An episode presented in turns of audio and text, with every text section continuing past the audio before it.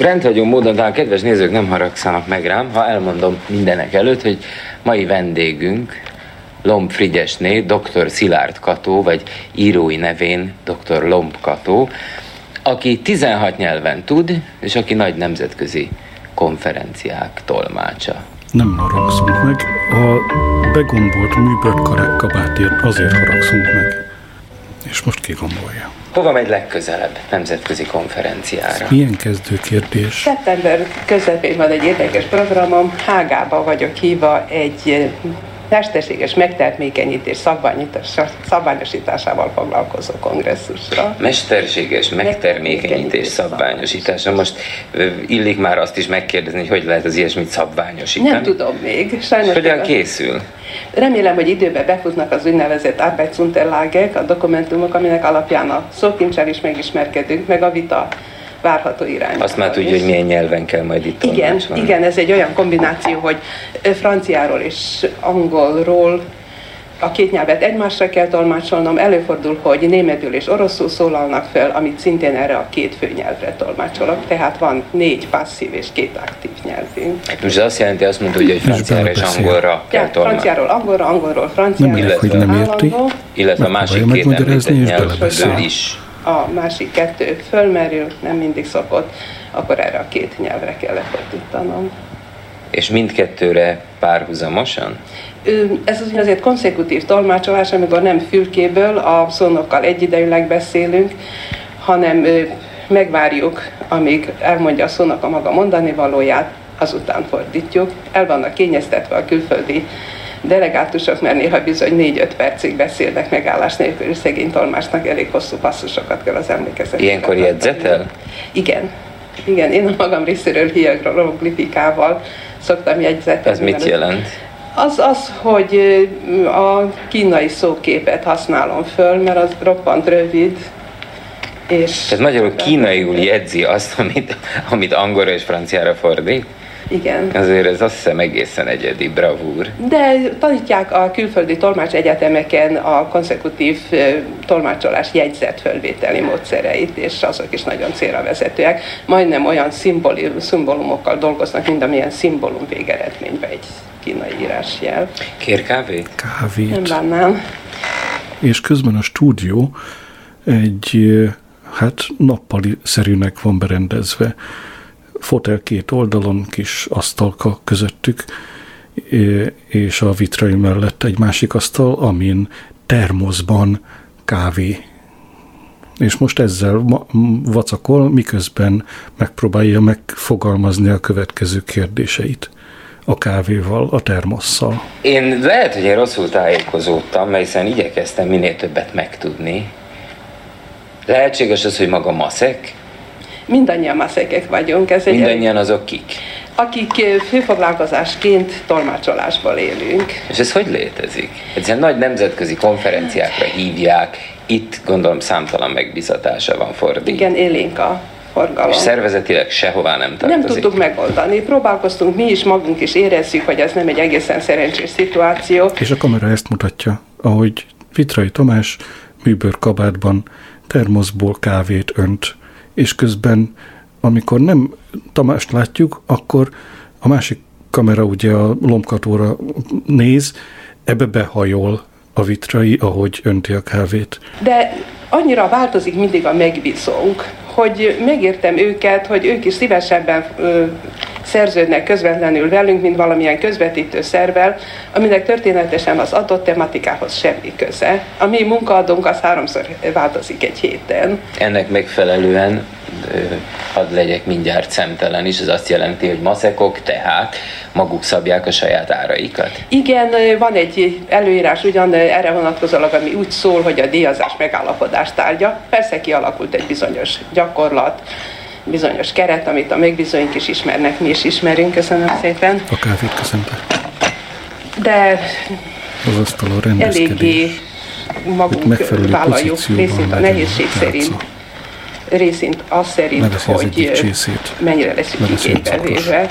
tégeit. Ennek persze másikságnak óriási hátrányai vannak, például az, hogy nem vagyunk nyugdíjképesek, és ami ennél is súlyosabb, nem vagyunk esztékátagok, valami ami megfelelőbb helyre, mint a köztük lévő asztal. Pláne azokon, akik családfenntartók közöttük, akik gyerekeket nevelnek, hát ezek úgy szokták megoldani, hogy önkéntes esztékátagságot vállalnak. Na, épp ezt akartam kérdezni, hogy önkéntesen is be lehet lépni, Ez a gondolom. lehetőség megvan, igen. Egy darabig én is csináltam, azt hiszem három évig, aztán nem voltam beteg három év alatt, úgy megharagudtam, hogy abba hagytam. Ez olyan, mint a kaszkó óva intem. Sok autós tudja, hogy miért megszünteti a kaszkóját, akkor valamitől Isten óvja. Nem azért mondtam. Hogy lehet ilyet Ön mondani? vegyész volt. Szabad kívánok ja nem, tessék tenni, én azért tettem Köszönöm oda, ha valami nem komilfó, ahogy teszem, én nekem nincs olyan rutinom, nemzetközi társaságokban sem tolmácsolni, sem házigazdáskodni, úgyhogy ne haragudja meg érte. Szóval azt akartam kérdezni, úgy tudom, illetve hát nem titok, hiszen itt van a könyve is, amiből készültem, így tanulok nyelveket, azt hiszem jó pár, hány kiadásban fogyott el? Kettő eddig. Kettő. És milyen nagy példányszámban? Ha jól emlékszem, 24 ezer Egyenként. Be. Hát az elég szép magas példányszám. Egy szóval ön vegyész volt, a doktorátusa is innen Igen, van. kémia És fizikában. miért hagy, hagyott fel vele?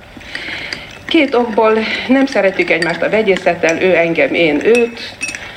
Megkérdezhetné persze, hogy akkor miért ezt választottam, egy elég komplikált és nehéz stúdium. Nem volt akkor pályaválasztási tanácsadás, és nem ismertem fel azt a készségemet, hogy nyelvészeti irányba kell orientálódnom. A vitrai még mindig a kávéval zörög. Az a bizonyos manualitás, az a pontosság, precizitás, ami elengedhetetlen a vegyészeknél bennem nem volt meg. Ez kiderült, amikor meg kellett fogni az próbacsövet, az epruvettát. Az egyik ok volt, ami a ott hagyatta velem a vegyészi pályát. A másik pedig az, hogy mikor én elvégeztem a 30-as évek elején, akkor olyan fantasztikus dekonjunktúrában éltek, hogy a nálam tapasztaltabb régi vegyészek is kegyér nélkül maradtak. Hát én a kezdő, pláne nem kaptam állást. Szerencse a szerencsétlenségbe. Már örül, hogy így történt. Nagyon, nagyon sose tudja az Nem ember. hiányzott a vegyészet. Sőt, biztos sokszor segítette, ha olyan tárgyú. Igen, csak sajnos közben annyira változott az egész természettudomány, hogyha most egy olyan témába kell tolmácsolnunk, ami a legszorosabb szakmámhoz tartozik, nem tudom föl ö, használni a régi ismereteimet. Mi annak idején még hát ilyen kémiai laboratórium eszközökkel analizáltunk, ugye térfogatméréssel, gravimetriával, hát ezek nem létező formák. Ma, ma minden Szóval fizikai, optikai, teljesen. Most pontosan úgy járt velem, ahogy szokott, gondolom nem egyszer, ha tolmácsol, hogy nem jut hozzá, hogy elfogyassza, amit felszolgálnak, mert állandóan fordítanak, úgyhogy most szünetet tartok, tessék. Egy beszélgetés műsorban. Szerencsére a interjú alany érzékeny, ahhoz, elég érzékeny ahhoz, hogy bele szippancson a kávéba, és azonnal letegye. Köszönöm, figyelmes volt. Akkor most kevésbé leszek figyelmes, de meg fogja érteni, hogy nem azért kérdezem, mert kellemetlenkedni akarok. Valaki 16 nyelven tud, óhatatlanul megkérdik az emberek, ha megmerik, vagy ha nem, hát azért megkérdőjelezik, hogy vajon hány nyelvet tanult ebből, ahogy mondják pestiesen von Hausaus, nörsztől nyelvtanártól. Nullát. Önnek az édesapja orvos volt, tehát még a föltételezés sem olyan lehetetlen. szegények orvosa volt, kisvárosba éltünk, egészen kicsinyes mm, hát pénzügyi gondokkal küzdöttünk. Én gyerekkoromban nyelvet nem tanultam, az egy franciát kivéve, amit tehát olyan polgáriskolai síkon megszereztem magamnak, na persze a latinnal együtt, ami kötelező volt ebbe az időbe. Fölnőtt fejjel kezdtem el tanulni, és én ezt azért szeretem hangsúlyozni, hogy biztatásul meghallják azok is, akiket visszatart a tanulástól az, hogy ó Istenem, én már x éves vagyok. Ez az x, ez már 30-nál szokott kezdődni. Borzasztóan haragszom erre az előítéletre. Három olyan előítélet van, amiben a könyvemben is, ami ellen a könyvemben is igyekeztem küzdeni. Az egyik az, hogy csak gyerekfejjel, vagy legalábbis nagyon fiatal fejjel lehet nyelvet tanulni. A másik az, hogy nyelvtehetség kell ahhoz, hogy az ember egy nyelvben bizonyos szintig elvergődjön. A harmadik pedig az, hogy a külföldön való tartózkodás a módszer, amivel az ember egy nyelvismeretét elsajátíthatja. Hát haragszik erre a három előítéletre, akkor legyen olyan aranyos, és mondja el röviden az ellenérveit. Tehát az első előítélet az, hogy hogy csak fiatal fejjel, csak a fiatal agy fogékony a nyelv. Ez a legelterjedtebb, és erre haragszom talán éppen azért a legjobban. Nézze, a tudást én szeretném két részre osztani, az egyik a készség, a másik az ismeret. Ez nagyon szépen kijön például az idegen nyelvekben, ahol külön van a fertikeit vagy skill a készségre, aminek semmi köze a kentniszhez vagy connaissance az ismerethez. Na most a készséget tényleg gyerekfejjel lehet jobban elsajátítani. Hát senki se vitatja azt, hogy biciklizni jobban megtanul a 6 éves, mint a 60 éves. Viszont van a másik része az ismeret, aminél, aminek az elsajátítására az érett fő sokkal alkalmasabb, mint a gyerekfő. A mi szakmánkban ezt a készséget a kiejtés jelenti, ezt az automatikus képességet arra, hogy valamilyen teljesítményt elérjen. Hát a mm, kiejtésnél nem vitás az, hogy az elfogulatlan agy, az előítéletmentes agy sikert ér el, sokkal jobbat, mint a fölnőtt, millió példa bizonyítja, hogy az anyanyelvi szintű kiejtést egy bizonyos koron túl nem lehet elsajátítani. Önnek milyen a kiejtése a különböző Sajnos legjobban közepes. Sajnos közepes. Meg kell vallanom, ebben azért az előbbiek elmondottak alapján fölnőtt fejjel kezdtem a nyelvtanuláshoz. Azt szoktuk mondani, hogy addigra az artikulációs bázis már elmeszesedett, tehát ez elég szűk keresztmetszete az én képességeimnek. Na most hadd térjek rögtön át a harmadik előítéletre, ami... Vagyis, hogy csak külföldön, csak a helyszínen lehet jól megtanulni. Igen, mégpedig arra, hogy hát ha fölnőtt fejjel kerülünk ki egy ilyen idegen területre, akkor a kiejtés szempontjából már elég rossz időpontban startolunk, addigra már úgy kialakultak a beszédszervek reakciói, hogy bizony, mint azt diszidens atyák fiai esetei tanúsítják, nem tudjuk behozni a benszülötteket. Egy pillanat, akkor sajnálom, hogy elterelem. A reggel gondolkodtam, hogy megkérdezzem ezt, de hogy szóba hozta, akkor most megkérdezem. Maga igazán avatott szakember, hogy választ adjon erre. Mégis mi az oka annak, hogy így nevezte őket disszidens atyánk fiai, hogy nagyon sokszor találkozom olyanokkal, akik, hát mondjuk, hogy 1956-ban mentek el, de olyanokkal is, akik esetleg később. Ez most lényegtelen is, de a lényeg az, hogy törik a magyart. Milyennek vajon az oka? Ez minden esetben affektáció? Nem hogy a magyar törik. Hogy a magyar, az anyanyelvüket. Azt, nem, amiben nem. megmesszesedett, ahogy mondja az Nem, nem spontán, bázis. nem spontán, imponálni akarnak, nem létező idegen nyelv tudásukat ezzel próbálják pótolni. Az anyanyelv ebben azért, mert készség, és a készség egyik jellegzetessége, hogy nem múlik el, hogy örökké megmarad. Az anyanyelv egy olyan készség, amit elfelejteni nem lehet. Senkinek se hiszem el még 40 évi tartózkod, külföldön való tartózkodás után sem, hogy az anyanyelv ismerete elhagyta. Hát millió példát is tudnék rá idézni. El tudom képzelni azt, hogy négy-öt nap kell neki, amíg beleszokik arra, abba, hogy automatikusan magyarul reagáljon és jól reagáljon. De mint hogy aki egyszer biciklizni tanít, tanult, az nem igen fog leesni a bicikliről, még akkor is, hogyha 30 év kihagyása van közben. Legfeljebb egy kicsit keresi az egyensúlyt a nyerekbe. Affektálás, affektálás tisztára. Na most van még a középső előítélet, amit kihagyott tehát az első az, hogy nem lehet csak fiatalkorban, a harmadik, amiről beszélt, hogy nem szükségszerűen a helyszínen, külföldön, és van még a, egy előítélet, amit nem fejtett ki, amivel ellen nem érvelt. Segítsen egy kicsit emlékezetem. Hát három előítéletet Igen. mondott, ugye? Az egyik az, hogy csak külföldön, a másik az, hogy... hogy Tehát egyikük se emlékezett rá, de ismét az interjú alany segít. E, e, Igen, a nyelvtehetség problémája, na hát Tehát, ez hogy... aztán szintén egyik a fő ellenségeimnek. Tulajdonképpen a könyvem megírásánál pontosan ez vezetett hogy ezzel ellen harcoljak, ez a ködös és misztifikált nyelvtehetség, ez visszatartott egy csomó embert a nyelvtanulástól, és mind ilyen, hát teljes haragomat érdemelte ki. A nyelvtehetség az legalábbis egy komplex valami. Idejövet ebben eszembe jutott egy nagyon neves magyar műfordító, sajnos elvesztettük azt hiszem 15 évvel ezelőtt a Gáspár Endre, talán hallottam már a nevét biztosan csodálatos tehetséggel fordított Lorkát és Beranzsét, Heinet és, és Sellit, csodálatosan, tényleg az eredetivel teljesen azonos művészi szinten. Beszélte is az összes nyelveket, valamennyit egyformán beszélte, olyan értelemben, hogy sose lehetett tudni, hogy melyiket beszéli. Szörnyű Arany Jánosról mondják, hogy iszonyatos kiejtéssel beszélt, ha egyáltalán megszólalt angol, pedig Shakespeare-t jobban fordítani. A különbség az, hogy ő nem igen hagyta el Nagy Szalontát, viszont Gáspár Endre, mint emigráns, politikai emigráns bejárta az egész világot, tehát alkalma lett volna elsajátítani a jó kiejtést. Nagyon rossz volt a kiejtése, nem tudom, hogy ezek után minek nevezem. Nyelvanti talentumnak, ha a kritériumnak azt veszem, hogy anyanyelvi szintű legyen a kiejtés, akkor azt kell mondanom. Ha azt, hogy hogyan tolmácsolta a eredetivel azonos művészi szinten, akkor azt kell mondanom, hogy nyelvzseni volt. Ez az egyik érvem ellene. A másik az pedig, hogy pontosan a mi szerencsétlen szakmákba keverik be ezt a zsenialitás fogalmát. Televíziómat kinyitottam a múltkor, és egy ilyen kimit tudva hallottam talán már két-három éve is, hogy két fiatal fiú a versenget az egyik témája azt hiszem Dél-Amerika volt, a másik, ha jól emlékszem, Somogy megye. Szédületes, hogy mennyi mindent tudtak erről. Mégsem mondta senki, hogy X az egy Dél-Amerika zseni, és Y az egy Somogy lángész.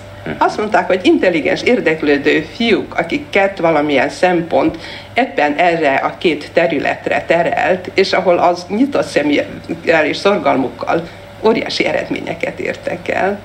Ránk fogják csak. Tehát nincs nyelvtehetség, külön ilyenfajta tehetség. Szorgalom van, motiváció van, kitartás van, és kiművelt emberfő van, ami teljesen elengedhetetlen, akkor is az ember történetesen művészettörténetét vagy biológiát tanul. Erre a motivációra majd még visszatérnék, ha megengedi. Sőt, már is rá is térek. Mi motiválta abban, hogy mi késztette arra, hogy 1941-ben, és a dátum itt nem mellékes, éppen az orosz nyelvet választotta. Most én szívesen mondanám azt, hogy ideológiai fejlettség és politikai előrelátás, de hazudnék, hogyha ezt mondanám. Az izgat, majdnem azt mutatnám, hogy egy véletlen, leírtam a könyvembe, egy körúti antikváriumba rábukkantam egy nagyon régi, azt hiszem 1880-ból való orosz-angol szótára, és úgy megjejtett a varázsa ennek a számomra idegen ABC-nek, hogy hazarohantam vele, és elkezdett tanulmá- elkezdtem tanulmányozni. Nagyon sokat olvastam az orosz irodalomról, fordításban az volt az érzésem, hogy aki pszichológiai kérdések iránt igazán érdeklődik, az Dostoyevsky, Tolstoy, Gogoly, Csehov nélkül. Tájékozatlan marad. Neki veselkedtem, egyedül nem kell mondanom, hogy akkor az ember nem igen tanult tanárral a fasizálódó Magyarországba, és hát teljes kompenzációt kaptam véletlenül, mert a felszabadulás heteiben jóformán az egyetlen ember voltam vicces módon, aki orosz írógépen írni tudott, cirilbetűs írógépen, ez volt a fő attrakció bennem, és így helyezkedtem el február 4-én 945-ben az akkori polgármester orosz tolmácsaként. Na most, hogy helyezkedtem el, mondja, ez azt jelenti, hogy jelentkezett. Igen, saját Nem fölfedezték, mint nem, oroszul nem. tudott. Ebben mi motiválta?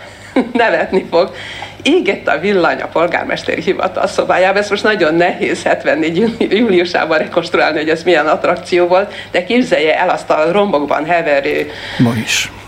Ma is nehéz. Budapestet, amikor volt egy ablak, és amögött világosság volt. És maga bement csak azért, mert a fény égett. Megpokogtattam, bemutatkoztam, és megkérdeztem, hogy nincs szükség tolmácsra, amire aztán, hogy ne beszéljen annyit, üljön le, és hívja fel az akkori városparancsnokot. Zamercev, ugye? Zamercev volt, igen, össze is barátkoztunk nagyon. És felemelte a telefont, és már is beszélt orosz. Egy vonat élt Magyarország, Budapesten akkor. Meg egy is telefon Egy telefon, meg is kérdeztem, hogy mi a szám, erre elkezdtek nevetni, aztán, hogy nyugodtan vegyen fel a kagylót, ők fogják. Ők vannak a túlsó végén. De ebből azért már, hogy mondjam, csak így is fogalmazott valahogy, most nem tudom pontosan visszaadni, mert én nem tudom így megjegyezni, tolmácsolni azért itt, hogy mondjam, csak kamatozódott az a korábbi motiváció az orosz nyelv iránt, mert azért gondolom, hogy, Újabb hogy könnyebben konszolidálódhatott a saját élete is azáltal, hogy Nagyon hogy talpra állított az életemet, nem csak anyagi vonatkozásban, hanem egy olyan lendületet kapott, egy olyan drive-ot, egy olyan ösztönzést, ami nem hagyott el mostanáig, és nagyon remélem, hogy életem utolsó percig.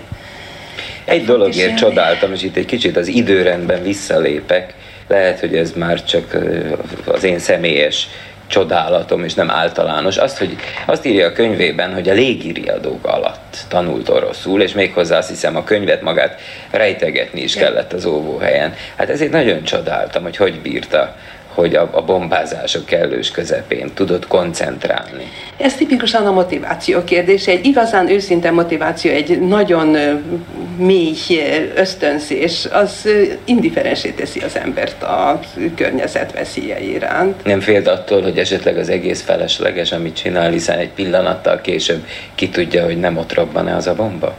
Nem tudom, egy anya se nagyon gondolkozik azon, mikor a gyerekét védi, hogy nem lesz esetleg csirkefogó a gyerekéből. Annyira magával ragadja ez a rendkívül mély motiváció, talán szerintelenség, hogy ilyen hasonlatot mondtam itten, de a jellegzetessége az erős ösztönzésnek, hogy az ember nem oszt, nem szoroz. Ugye engem nagyon gyakran fölhív valaki, egy ismeretlen hang is azt mondja, hogy tessék mondani általánosnő, érdemes megtanulni, tudom én spanyolul vagy kínaiul, mire mindig azt mondom, hogy magának nem fiam. Erre a sértődött hang visszakérdezi, hogy miért tetszik ezt mondani, hiszen nem is tetszik engem ismerni. Mondtam, aki így teszi fel a kérdést, annak kár elindulni ezen az úton. Ez nem lett ilyen ridegen, hogy kiszámítja, hogy ez az x forint, amit remél, be fog-e futni a tudás alapján, akit maga a folyamat nem lelkesít. És az én üzenetem mindenkihez az, hogy nyelvet tanulni olyan jó, hogy önmagáért érdemes csinálni. Szóval aki ezt nem érzi, annak kár elindulni, ha csak arra veti a szemét, hogy ez mennyire lesz rendben. Hát én mondjuk nagyon kicsi gyakorlattal, de magam is tanultam nyelveket azt mondhatom, hogy amikor azt mondja, hogy nyelvet tanulni olyan jó, én ebben nem vagyok annyira biztos. Vitrai nem érti, hogy miről Jó beszél. az eredménye, nagyszerű, csodálatos érzés. De ahhoz, hogy nyelvet tanulni jó legyen, úgy, úgy tehát maga a, nem a tanulás örömet okozzon. Nem fél attól, hogy ehhez mondjuk alkatilag kell, hogy mondjam, olyan beállítottságonak lenne, mint például maga. Azt hiszem, Mi az öröm a tanulás folyamatában? A tanulás folyamatában az az öröm, hogy a program megszerkesztésében sosem a homo sapiens, a bölcs embert kell a szemünk előtt tartani, úgyse nagyon hiszek ebbe a szapienciába, ebbe a bölcsességben. Sok, mindig a... sok az ellentmond, adat. Igen. Hanem a homo ludens, a játszani szerető embert. Az emberek rendkívül szeretnek játszani, szellemi játékot is szívesen üznek, különböző fizikai játékokat, sportokat is szívesen üznek. Hogy játszak egy nyelvtanulással? úgy, mint ahogy az ember a fülest forgatja és megoldja a rejtvényeit, akkor érdekes egy nyelv tanulása, és akkor nem fárad bele, akkor tudja órákon át csinálni, ha kielégíti ezt a bizonyos játékvágyat az emberekbe, hogyha ezt egy megfejtendő keresztrejtvénynek tekinti, rendkívül nagy ö, sikerélményt nyújt az, hogyha összeáll a kép, épp úgy, mint ahogy egy keresztrejtvényben az viszintes és szabad egy mondat, egy példával elmondanom. Persze. Nem akartam túlmenni a 16 nyelven, és nagyon megesküdtem magamnak, hogy nem fogok többet tanulni. Akadt azonban egy üres hónapom, sajnos a mi szakmánk az elég lavinaszerű hullámzó, tehát nem tudtam mit csinálni az egyik hónapommal. Elkerültem megint csak egy antikváriumba, és megvettem egy svéd regényt. Sajnos utólag derült ki, hogy egy Karin Mihályélis könyv volt, amit Dánból fordítottak svédre, de akkor már késő volt, már belefektettem az 5 forintot. Most végig mentem ezen a könyvön, komolyan mondom, hogy amikor először végigolvastam, azt sem tudtam megállapítani, hogy miről szól. Tárgya van-e, hősnője van-e, nem tudtam sehogy se tájékozódni benne. Másodszor végigmentem, olyan jól kiadta a kontextus az egésznek a, a szókicsét is, hiszen a svéd nagyon erősen hasonlít angolra és németre, roppant könnyű volt rekonstruálni a szavakat belőle. Másrészt a grammatikai összefüggéseket. Harmadszor elolvastam, egészen tisztában voltam a könyvvel, meg a szabályokkal is. Mikor a következő könyvbe be lefogtam, akkor azt már le is fordítottam, el is vittem felajánlani fordításra a kiadásra magbetűnek sajnos kiderült, hogy a puskaport találtam föl. Már lefordították. Na, akkor visszatérve, azt mondja, először kézbe vette ezt a svéd könyvet, anélkül, hogy a svéd szavak kiejtését ismerte volna, anélkül, hogy a grammatikát ismerte Bevallom, hogy a kiejtéssel máig se vagyok tisztában, ha lesz motiváció, hogy megint visszatérjek el. Ez tehát egy konferencia kell. Nyilván. Egy konferencia, vagy egy barát, egy, esetleg akinek a kedvéért érdemes lenne, akkor majd átnézem a kiejtési szabályokat, és bár mindig nagyon messze lesz leszek attól, hogy hát kiejtésem benszülöttek számára azonosként elfogadható legyen, de meg fogom tanulni azt, hogy hogyan ejtsük ki a két ponttal ellátott át azt az án, amin a diakritikus jel egy karika, és így tovább, meg fogom nézni.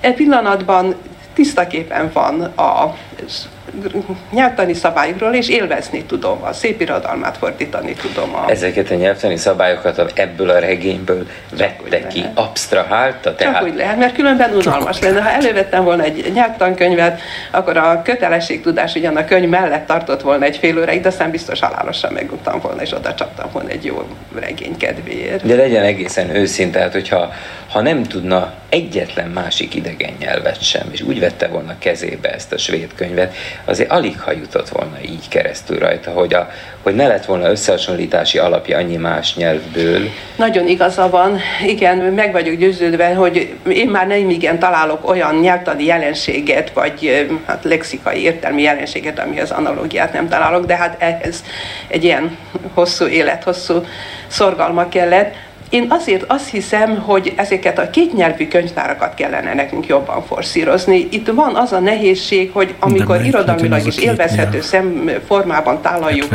az olvasó elő, akkor már annyira el voltunk kénytelenek rugaszkodni az eredeti nyelvtől, hogy kulcsként nem nagyon használhatok. Én nagyon haragszom a szótárnak arra általános használatára, hogy valahányszor egy idegen szórabokon gyorsan föllapozzuk és megnézzük. Két okból haragszom. Egyrészt, mert annyira lelassítja a tanulás menetét, hogy elkedvetleníti az embereket, és örömmel odadobják a könyvet. A másik pedig az, hogy annyira fölületes, annyira nem jelent sikerélményt, hogy gyorsan kimegy a fejünkből. A szótárt azt a startnál szeretném ajánlani mindenkinek használni, megismerkedni a nyelvvel, a szabályokat rekonstruálni a szótárban foglalt terminológiából, de deriválni a magát a Elvonatkoztatni. Elvonatkoztatni, köszönöm szépen. És megint, megint belebeszélt. Én vagyok a hibás. Tuszel Langenscheidt is megmond, megmondta, hogy már lehet grammatik az a Sprache, is Sprache az a grammatik. Borzalmas volt az a régi... Tessék szívesen ezt is lefordítani ja, magyarra. Tehát a nyelvből tanuljuk a nyelvtant, és ne köszönöm szépen, néhány nyelvtanból a nyelvet. Borzalmas volt az a régi görög-latinon alapuló oktatási módszer, hogy megetették a diákkal az egész nyelvtani rendszer. Mi a múlt idő? Mi ez a múlt És idő? azt hitték, hogy ebből ő meg fog tanulni beszélni. Hát, tudnék, újabb témaponthoz érkeztünk, amit, amit maga sugal azzal, hogy azt mondja, hogy a sikerélmény az, ami a nyelvtanulásban annyira ösztönző. És ebben hiszek. Hanem ha én nyelvtanárral tanulok, már pedig azért mégiscsak a többség ilyen, és meg kell, hogy mondjam, ez nem bók. Szóval ehhez alkatilag is olyannak kell lenni, hogy az ember maga a sikerélményt így szerezze, mint ahogy mondja a fülest olvasná. A nyelvtanár dolga jóformán az, hogy a sikerélménytől megfosszon, ha jól tanít. Most ez egy furcsa paradox, de mégis így van. Neki a hibáimra kell fölhívni a figyelmet. Ő nekem nem azt mondhatja, hogy nagyszerű, és elhallgatja, amit rosszul mondta. Azért De, pedagógus, mondja, hogy mondja csak azt, igen, ez sajnos igen, nagyon igaz. Egy vezető politikusunk a múltkor megkért, hogy kísérjem el egy olyan országba, aminek a nyelvét én nagyon rosszul tudtam. Összesen két hónap felfutási időm volt. És Legalább az országot nevezze meg. Mondjuk annyit, hogy spanyol, a diszkrécióját. spanyol nyelvterület volt. Na most két lehetőségem volt, vagy fölkértem volna valamilyen spanyol tanárt, szép számban található Magyarországon, nyilván nagyon jó képességűek, hogy oktasson. De féltem attól, hogy a hivatása jellegénél fogva mindig arra fog figyelmeztetni, amit rosszul mondok. Hát elvetettem ezt a megoldást, vettem egy olyan könyvet, női ponyvának nevezem ezt a műfajt, szóval nem férfi ponyva, nem eh, detektív történet, nem krimi, ami iránt nekünk kevésbé van érzékünk. Egy női ponyvát végigolvastam, nem nehéz a spanyol, meg kell mondanom, erősen hasonlít latinra, franciára, olasz, olaszra, és úgy indultam el. Tehát ha megvan a latin, francia és az olasz, akkor már csak egy lépés a spanyol. Köszönöm szépen. Hertással, hogy nem eh, vettem egyetlen egy órát se. Hát a kiejtésemet egy kicsit úgy furcsálkodva vették, de nagyon jól megúsztam a hosszú tartózkodást. Felragaszkodott a sikerélményhez. Sok hát nagyon nehéz védekezni ezzel, mert az iskolai nyelvoktatásban mégiscsak nem beszélem most a magán, meg csoportos nyelvtanulásod. Tehát az iskolai kötelező nyelvoktatásban én nem tudom, talán jobban tudja nálam, hogy milyenek az eredmények, de óhatatlanul a sikerélmény rovására megy az osztályzásos rendszer is egyrészt, másrészt pedig az, hogy a, a hibákat kell javítani, és nem az erényeket hangsúlyozni. Azért szokták, szokták a módszeremet azzal csúfolni, hogy ez az iskolán kívüli, sőt tanáron kívüli nyelvművelés Én inkább azt mondanám, hogy ez a türelmetlen emberek módszere, és a türelmetlenség az egy rendkívül egészséges dolog a nyelvtanulásban. Meggyőződésem az, hogy nem lehet jó eredményt elérni nyelvtanulásba akkor, hogyha a heti 12-14 órát nem fektetjük bele. Hát most ez pedagógussal bizony többek között még anyagi okokból is elég nehéz megúszni, megoldani. Hát ez, ez nem megy, legyünk őszinték. Tehát, hogyha irányítatja is magát a diák egy tanárral, és elismerem, hogy igaza van, hogy a túlnyomó többség így jár el, annyira kell kiegészíteni egy olyan önképzőkörrel, aminek az ember egyetlen tagja, hogy úgy mondjam, ami ezt a minimális óraszámot kiegészíti, és ezért hangsúlyozom annyira az olvasásnak a jelentőségét. Én nem mondom, hogy olvasva a legjobb hatásfokkal lehet a nyelvet megtanulni. Ez nem abszurdum volna, hiszen tudjuk a Pavlovi tannak értelmébe, hogy a több irányú ösztönzés, a több pont megmozgatása vezet a legjobb eredményhez. Na most az olvasás az csak a vizualitásra, csak a látott szövegre koncentrálódik, hiányzik belőle az az érzelmi ösztönzés, ami például egy személyes találkozást ami, amit egy személyes találkozást jelent, egy baráttal való beszélgetés, tehát egy egyoldalú és egy rosszabb hatásfokú dolog, de rendkívül hozzátérhető, nagyon egyszerű és olcsó eszközökkel megteremtető. Én nem hiszem el senkinek, hogy olyan rettenetesen elfoglalt, hogy ne tudjon olvasásra rászánni egy-két órát naponta, és ez aztán időben is olyan jól beilleszthető, mindig közlekedés közben, reggelizés közben, vacsorázás közben. Tanított valaha? Kétszer próbálkoztam mindig olyan esetben, amikor nem volt, aki, aki nálam jobban képzett, lett volna jobban, alkalmasabb lett volna erre a célra. Az egyik az orosz oktatás megindulásakor tanítottam egy évig a műegyetemen, ahol hát egy kicsit a egyik fizikai emlékeimet jól fel tudtam használni. A másik pedig a TIT megindulásakor, amikor egy kínai kurzus indult meg, és akkor még nem voltak itt a kínai ösztöndíjasaink. Mihelyt megjöttek, boldogan átadtam nekik. Se két esetben változott tatott valamit a módszerén, a, a megszokott hagyományos tanári módszerekhez képest? Száz százalékig a saját módszeremet alkalmaztam. Rögtön elkezdtem a szakszöveget tanítani az egy, mi egyetemi hallgató barátaimnak, és nagyon szerették, örülök, hogy az ott általános módszeré vált. Ma már nagyon hamar áttérnek arra, hogy azt tanítják az ifjúságnak, ami érdekli őket. Hát logikus is, hogy egy leendő vegyészmérnök jobban érdeklődik a saját szakmájának a szókincse iránt. A mai nemzetközi helyzetben azt hiszem, hogy egyre bővülnek a kapcsolatok. Ezt nyugodt lélekkel mondhatom, anélkül, hogy szám, megszámoltam volna. Minden jele erre mutat. Tehát nemzetközi kapcsolatok bővülnek. Vastaps. Fölvirágzik-e a tolmács hivatása, a soknyelvű tolmács hivatása, vagy sem? Ebben. Sem, sajnos. Sem? Sem. Igen. És miért?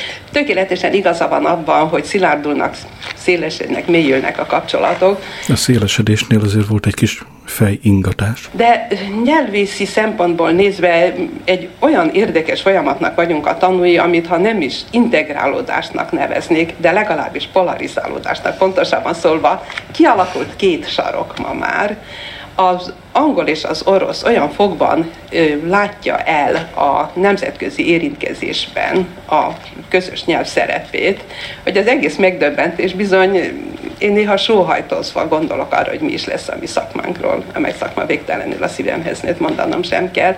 Hát egy egész megdöbbentő élményem volt, a múlt héten zajlott, zajlott le itt Budapesten a mikrohullámú összeköttetések konferenciája. Igen nagy méretű volt, 500 delegátus volt jelen, ha jól emlékszem, 33 országból.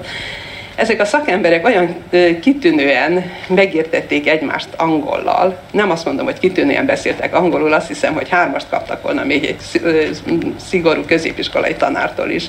Rossz mondatfűzéssel, rossz grammatikai szabályok alkalmazásával, rossz kiejtéssel, de a szaktudásuk úgy segítette őket, az a sok segédeszköz, ábra, diapozitív, diagram, minden, úgy hozzájárult egymás eh, ahhoz, hogy megértsék egymást, hogy hát mi tolmácsok bizony sóhajtozva jutunk a sarokba. És ez kínos? inkább úgy volt, hogy igen, szomorkodtunk, szomorkodtunk, mert arra gondoltunk, hogy hát mi is lesz tulajdonképpen a mi szakmánkból. Na most nézzük ezt a szakmát egy kicsit közelebbről, ha segít nekem. Hát ugye az előbb megtanított egy kifejezésre, azt mondta konszekutív tolmács. Tudom, hogy van szinkron tolmács, aztán van kísérő tolmács. Ezt, ha jól tudom, maguk gajdolóknak hívják, igaz ez? Mi nagyon respektáljuk a kísérő tolmácsokat, és nagyon szomorúak vagyunk, hogy nem részesülnek abban az anyag és erkölcsi elismerésben, amit megérdemelnek. Csak arra tessék gondolni, hogy a 10 milliós Magyarországból az ide érkező idegen egy emberrel áll állandó összekötetésben a kísérő tolmácsa. Na most egy ilyen emberi gyengeség az, hogy azt mondom, hogy olyan az az ország, mint az az egy ember, legjobb esetben az a maroknyi ember, akivel összeismerkedtem. Mennyi mindent kívánunk ezek szerint a kísérő tolmástól.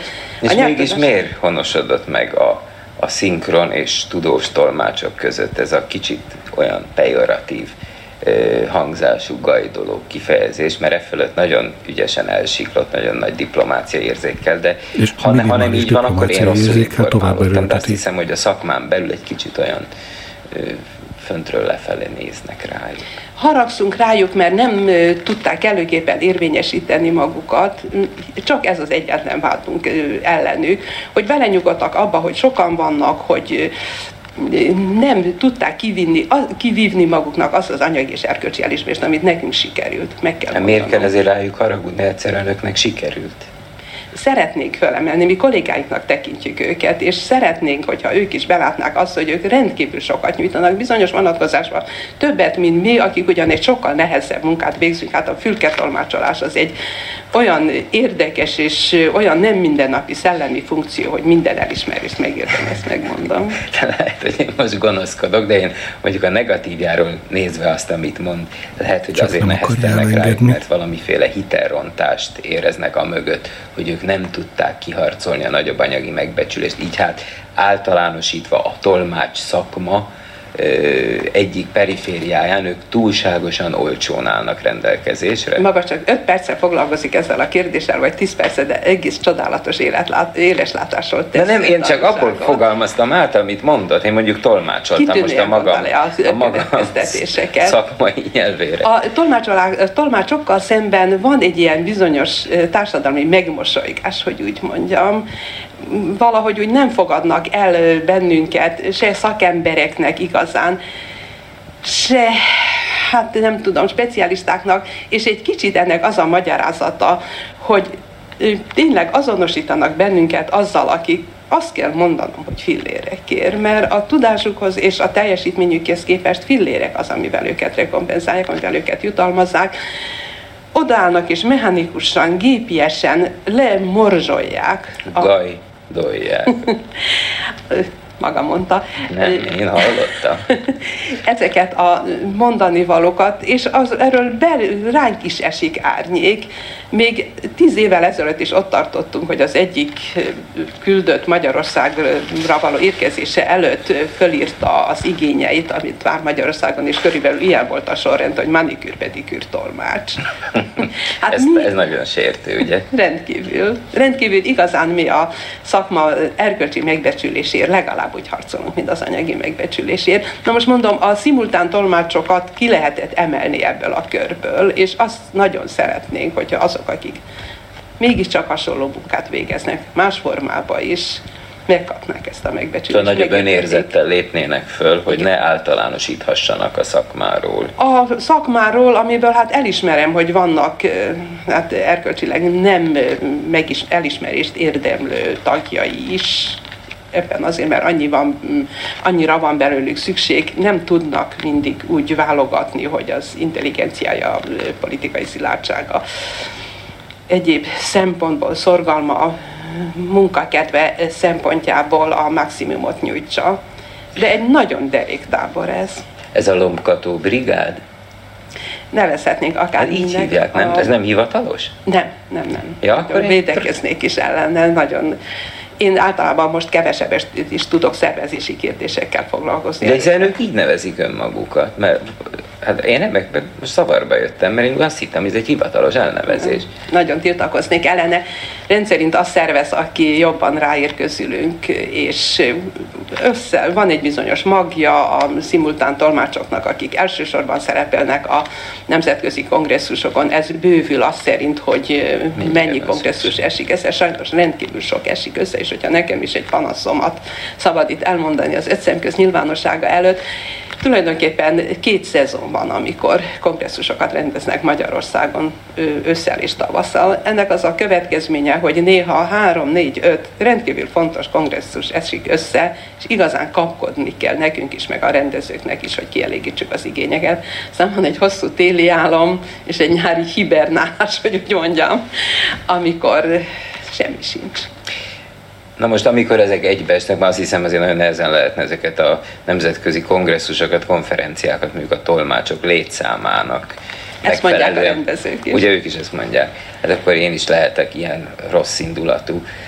Ugyanúgy Viszont kifogás, igen. azt is mondják, hogy nagyon nehéz bekerülni ebbe az igen elit tolmács körbe, akik, hát most már bocsásson meg, ez már végképp nagyon merész dolog lesz, akik közé fiatalnak különösen nehéz bekerülni. Tamás, én nem, azt hiszem maga még nem emlékszik arra bizonyos intézményre, amit Tantusznak hívtak a közlekedési eszközöket. De nagyon jól emlékszem, Igen. és ismerem ehhez vonatkozó idiómát is. Tehát a tantusz csak a villamoson lehetett megvenni, viszont a villamoson nem lehetett tantusz nélkül felszállni. Én ezt akartam idézni belőle. Sajnos csak gyakorlattal rendelkező tolmácsot lehet a fülkébe beültetni, és a gyakorlatot csak a fülkébe lehet megszerezni. Itt mi is érezzük ezt az ellentmondást, de nem nagyon tudjuk az orvosságát. Tessék elképzelni, hogy annak, aki a tolmácsbrigád munkájáért felelős, milyen nehéz valakit oda maga oda ültetni, akiről nem tudja biztosan, hogy az első negyed órában nem mondja fel a szolgálatot. Hát nem logikus e, ez az, hogy mi szívesebben dolgozunk olyannal, szívesebben mozgósítunk olyat, aki hosszú évek alatt bebizonyította, hogy minden lehetőséggel meg tud küzdeni, minden nehézséggel. Nehézségeink óriásiak, csak gondoljon arra, hogy tolmácsiskolák még csak vannak a világon, de tolmácsolt iskolák nincsen. Senki se tanította meg a küldötteket arra, hogy mi nem tudunk akkor tolmácsolni a hadar, hogyha nem az anyanyelvén nagyon rossz kiejtéssel, nagyon gyorsan beszél. Ő sokszor papírról olvas fel egy előre készített szöveget, amivel mi abba a percben ismerkedünk meg. Tehát tényleg nagyon uh, nagy handicappel kell meg. Nincs lehetőség tolmács és tolmácsoltja közt valamiféle megbeszélésre előzőleg? Küldötteink hiúak, és rendszerint azt szokták mondani, hogy ókére, mind rögtönözni fogok. De ez nem igaz? Fennállnak a fórum, a pódiumon, akkor előre látják a zsebükből a rögtönzést, és olyan tempóba hadarják, hogy az ember csak kapod az állítmány után, amivel, ami nélkül tudva lépnek, mi már csak semmit sem tudunk elkezdeni. Volt már a precedens, hogy, hogy meg, ilyen esetben megakadt, és és ismételnie kellett az illetőnek? Arra is, hogy megkértük az elnököt, hogy incse a küldöttet egy kicsit lassabb tempóra, különböző módszerek is vannak, fényjelzés, hangjelzés jelezni a tolmács nehézségeit. Nagyon vicces lélektani jelenség az, hogy ha kigyullad egy vörös lámpa, akkor jel, ami, ami a megállapodásos jel arra, hogy jaj, nem tudunk ilyen tempóba fordítani, akkor az csak további gyorsulásra ösztönzi őket, vagy az az Azt hiszem, sietni kell. Ez egy olyan nemzetközi megállapítás, hogy már fel is adtuk. Na most külföldön én, le, én azt hiszem, hogy, hogy a nagy nemzetközi szervezetekben, így például talán az ENSZ és az ehhez kapcsolódó szervezetekben a tolmácsok általában legalábbis kétnyelvűek kell, hogy legyenek. Tehát anya és apa nyelvük Igen. van és egyikről a másikra oda visszafordíthatnak, de megtanult nyelvet általában nem fogadnak el tőlük. Nem, még hozzá ezt a mm, hát korlátozást, amit maga említ, ezt is úgy kell megfogalmaznunk, hogy csak apanyelvükről anyanyelvükre szabad fordítaniuk sokkal szigorúbbak a szabályok, mint nálunk. Kisország vagyunk, hát itt nem tudjuk magunkat tartani ezekhez a rendkívül rideg előírásokhoz, de valóban így van, hogy megtanult nyelvet nem engedélyeznek nekik aktív nyelvként használni, arra nem engednek nekik fordítani. Mi lehet mégis az oka akkor, hogy tudomásom szerint többször nem csak személy szerint, hanem a brigádjával együtt, és nem egy ilyen nemzetközi értekezletre meghívták, Nagyobb ahol pedig lett volna apa-anya nyelvű versenytárs. Nagyobb bennünk a lelkesedés, nagyobb a munkaked, szívesebben csináljuk, nincs bennünk az a közöny, ami sajnos a külföldi kollégáinkba kifejlődött. Talán rosszabbul fizetik az is. Fantasztikus összegeket kapnak, hát megmondhatom az öt köz nyilvánossága előtt, hogy ez körülbelül pillanatban napi 130 dollár, amit naponta kapnak.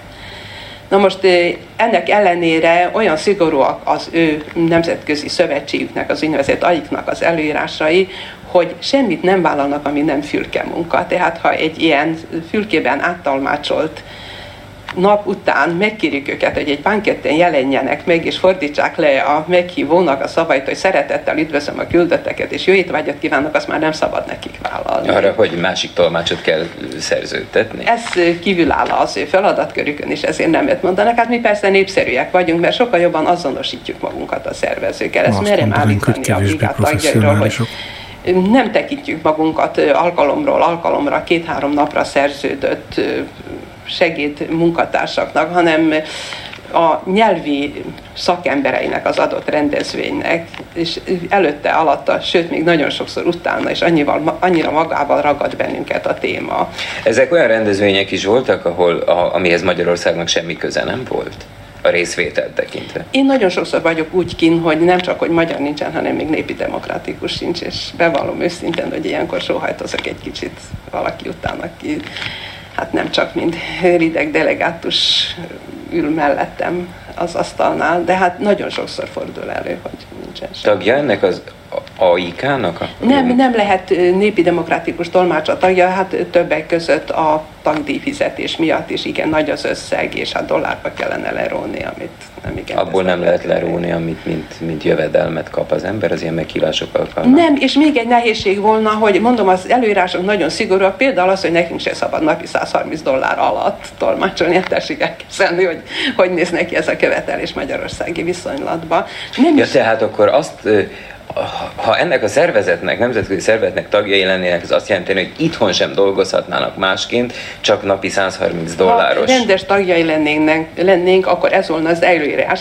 Még egy szól amellett, hogy ne lépjünk be, még pedig az, hogy ez egy kifejezetten érdekvédelmi szerv. Ha ez lehetőséget nyújtana nekünk, magyar tolmácsoknak a továbbfejlődésre, a szakmánk elméleti vonatkozásénak a megtanulására talán valahogy kiállnánk pénzügyi hatóságainknál, mint hogy ez azonban tisztán érdek érdekvédelmi szerv, és őszintén szóval olyan nagy a szakadék az itteni gyakorlat és a kinti gyakorlat között. Mi úgy határoztuk, hm. hogy nem teszünk ilyen irányba. És akkor kivédi az érdekeiket. Érdekvédelmi szerv nem jelenhet meg. A kereslet ez nem nagyon marxista hozzáállás dolga, formája, de sajnos van egy bizonyos kereslet, van egy bizonyos kínálat, ennek az aránya megszabja azt, hogy mi megkapjuk azt az elsősorban anyagi, de másosorban erkölcsi elismerést is, amire úgy érzem, hogy a szakmánk, munkánk jellege följogosít bennünket. Tessék elhallgatni, hogyha a kérdés túlmegy a, a, annak a határán, amit ilyen nyilvánosságot megkérdezhetek, de miután elmondta, hogy mennyit kapnak a tolmácsok kin. Mennyi az, amit most már harmadszor említ, és ez bátorít föl, hogy, hogy az anyagi megbecsülést megfelelőnek tartja, amit itthon a munkáért fizetnek. Mit jelent ez? E pillanatban hogy átlagban 700-750-800 forint körül mozog a napi tolmácsdíj, ami nagyon szépnek hangzik, ha nem gondolnánk arra, hogy ez néha egy hónap, de néha egy fél év készülés előszi meg. Hát nem, nem csak azt az egy napot jelenti, amikor dolgozunk. Akkor már mi, majdnem azt mondhatnám, hogy pihenünk, mire beülünk a fülkébe. Hát tessék elképzelni egy svájci cég itt rendezett egy káliumkongresszust. Három napon keresztül semmi másról nem beszéltünk, mint káliumról. Ez a szakmájába vág. Nekem speciál, igen, de vannak köztünk ügyvédek, vannak köztünk orvosok. Hát most tessék elképzelni, hogy milyen intenzív tanulás kellett hozzá, és hol kellett azt a tanulást kezdeni, igazán a középiskola ismereteknél, menve fokozatosan előre, az egyetemen túli ismeretekig, mert hiszen itt olyanokról volt szó, amit majd legyünk optimisták, néhány év múlva fognak csak az egyetemeken tanítani. Hát most tulajdonképpen egy dolog van még hátra, ami engem izgat, ha bármi egyéb van, akkor tessék megmondani, amiről szívesen beszélne, és ez az, hogy így hallgatva egyrészt a nyelvtanulásról, másrészt a, a szűkebben vett hivatásáról, a tolmácsolásról, mindezt, amit elmondott, az a meggyőződés alakult ki bennem, hogy szenvedélye ez, hobbija. Tehát akkor talán a kérdés sem hangzik annyira banálisan, ha azt kérdezem, hogy, hogy teljesen boldog-e, elégedette, és, és voltak éppen megvalósította-e önmagát, ahogy ezt divatos mondani? Mondjuk azt, hogy 80 százalékig. Na akkor mi az a 20?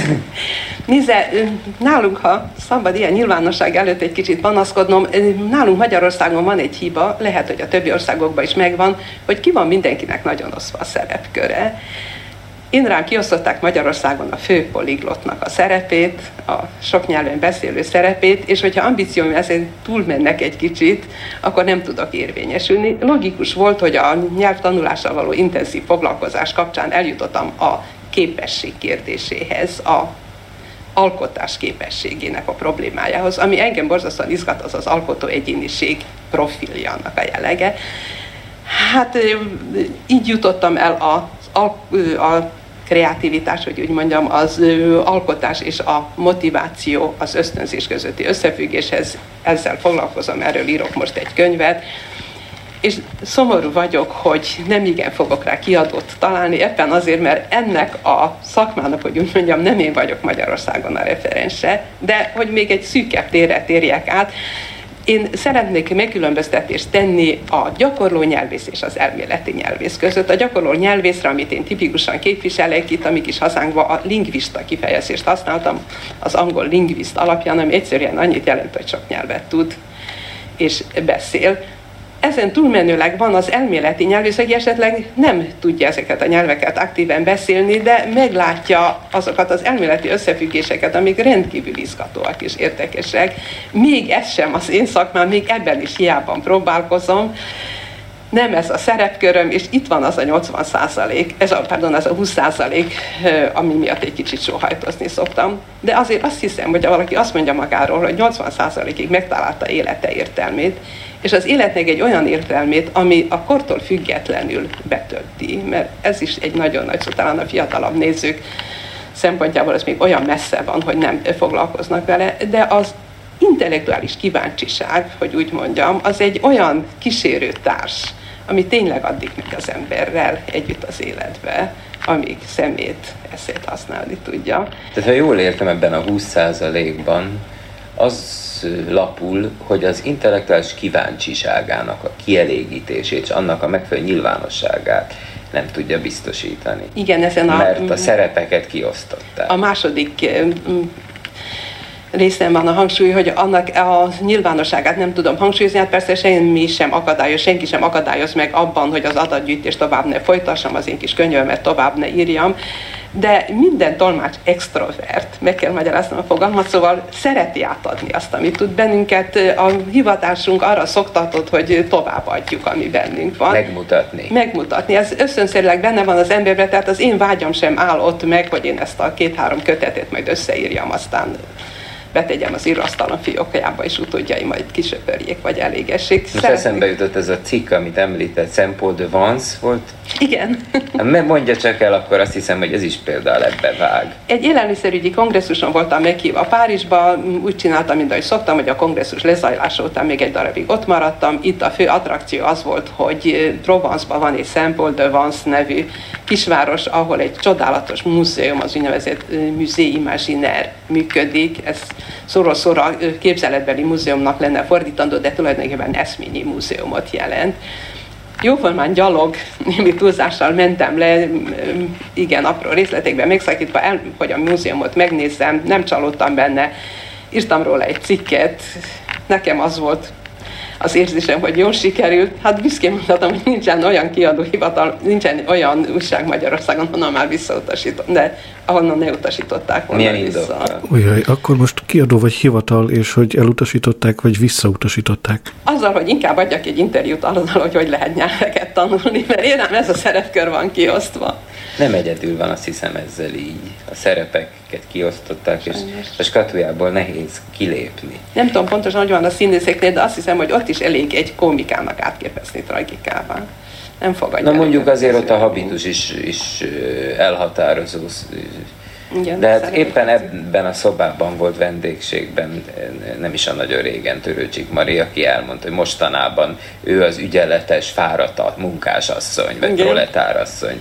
Tehát pedig hát az ő habitusa több egyébre is alkalmassá teszi. Mondjuk így a, a szellem érdeklődésénél nehezebb lehet.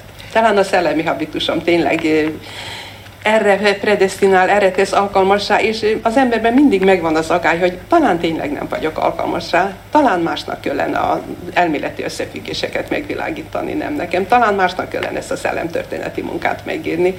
Egy szóval a sikerélmény.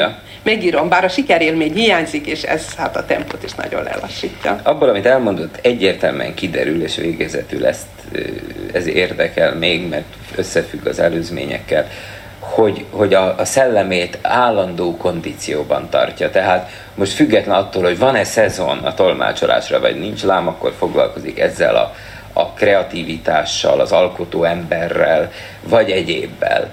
Ö, hát lehet, hogy az én veszőparipám csak, hogy, hogy, hogy a, a, vajon nem válik-e az ember ezzel egyoldalúvá, hogy, hogy egyértelműen minden idejét szellemi tevékenységre fordítja.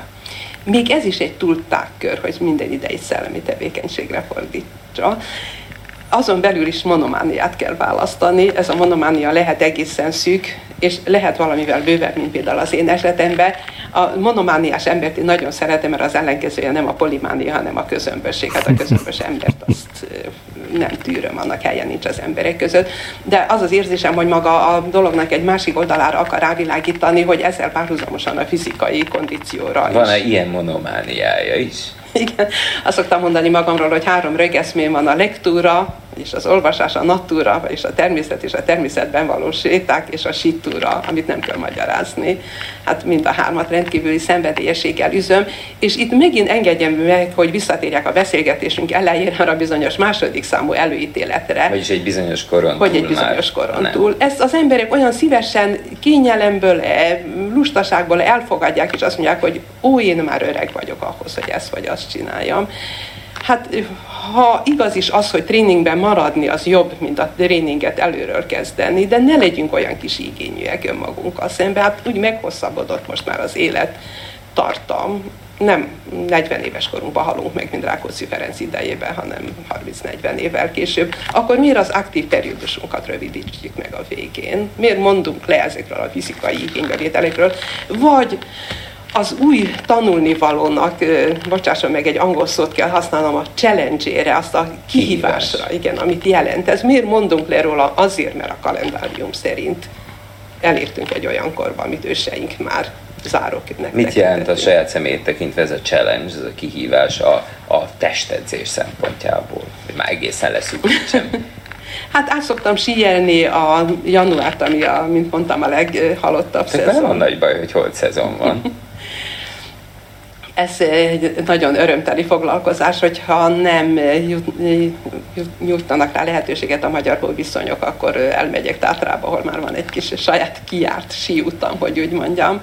És mint hogy a budai hegyek tövébe lakom, hát a napi egy-két óra is séta, még akkor is sorra kerül, hogyha történetesen egy nagy Egyéb sportok? Tanács nagyon intenzíven tornászom. A, Egyedül? Nem, a tanácsok, jó volt, a tanácsok jó voltából minden kerületben két-három helyen működik egy így nevezett háztartási tornacsoport. Ez egy ilyen szépítő kifejezés arra, hogy a tornázó csoport korosztálya nem szárolódik be 20-30, sőt 40 évnél se, hanem folytatódik, és elég intenzív heti 90 perces tornaóránk van, amit kimondhatatlanul lévezek, és meggyőződésem, hogy kölcsönhatás van, úgynevezett lelki, testi kölcsönhatás, pszichofizikai kölcsönhatás, mert segít a szellemi munkámba, és ez a nagyon intenzív szellemi igénybevétel segít a fizikai erőlét növelésében is. Hát akkor a maga mondásával köszönöm meg a látogatását,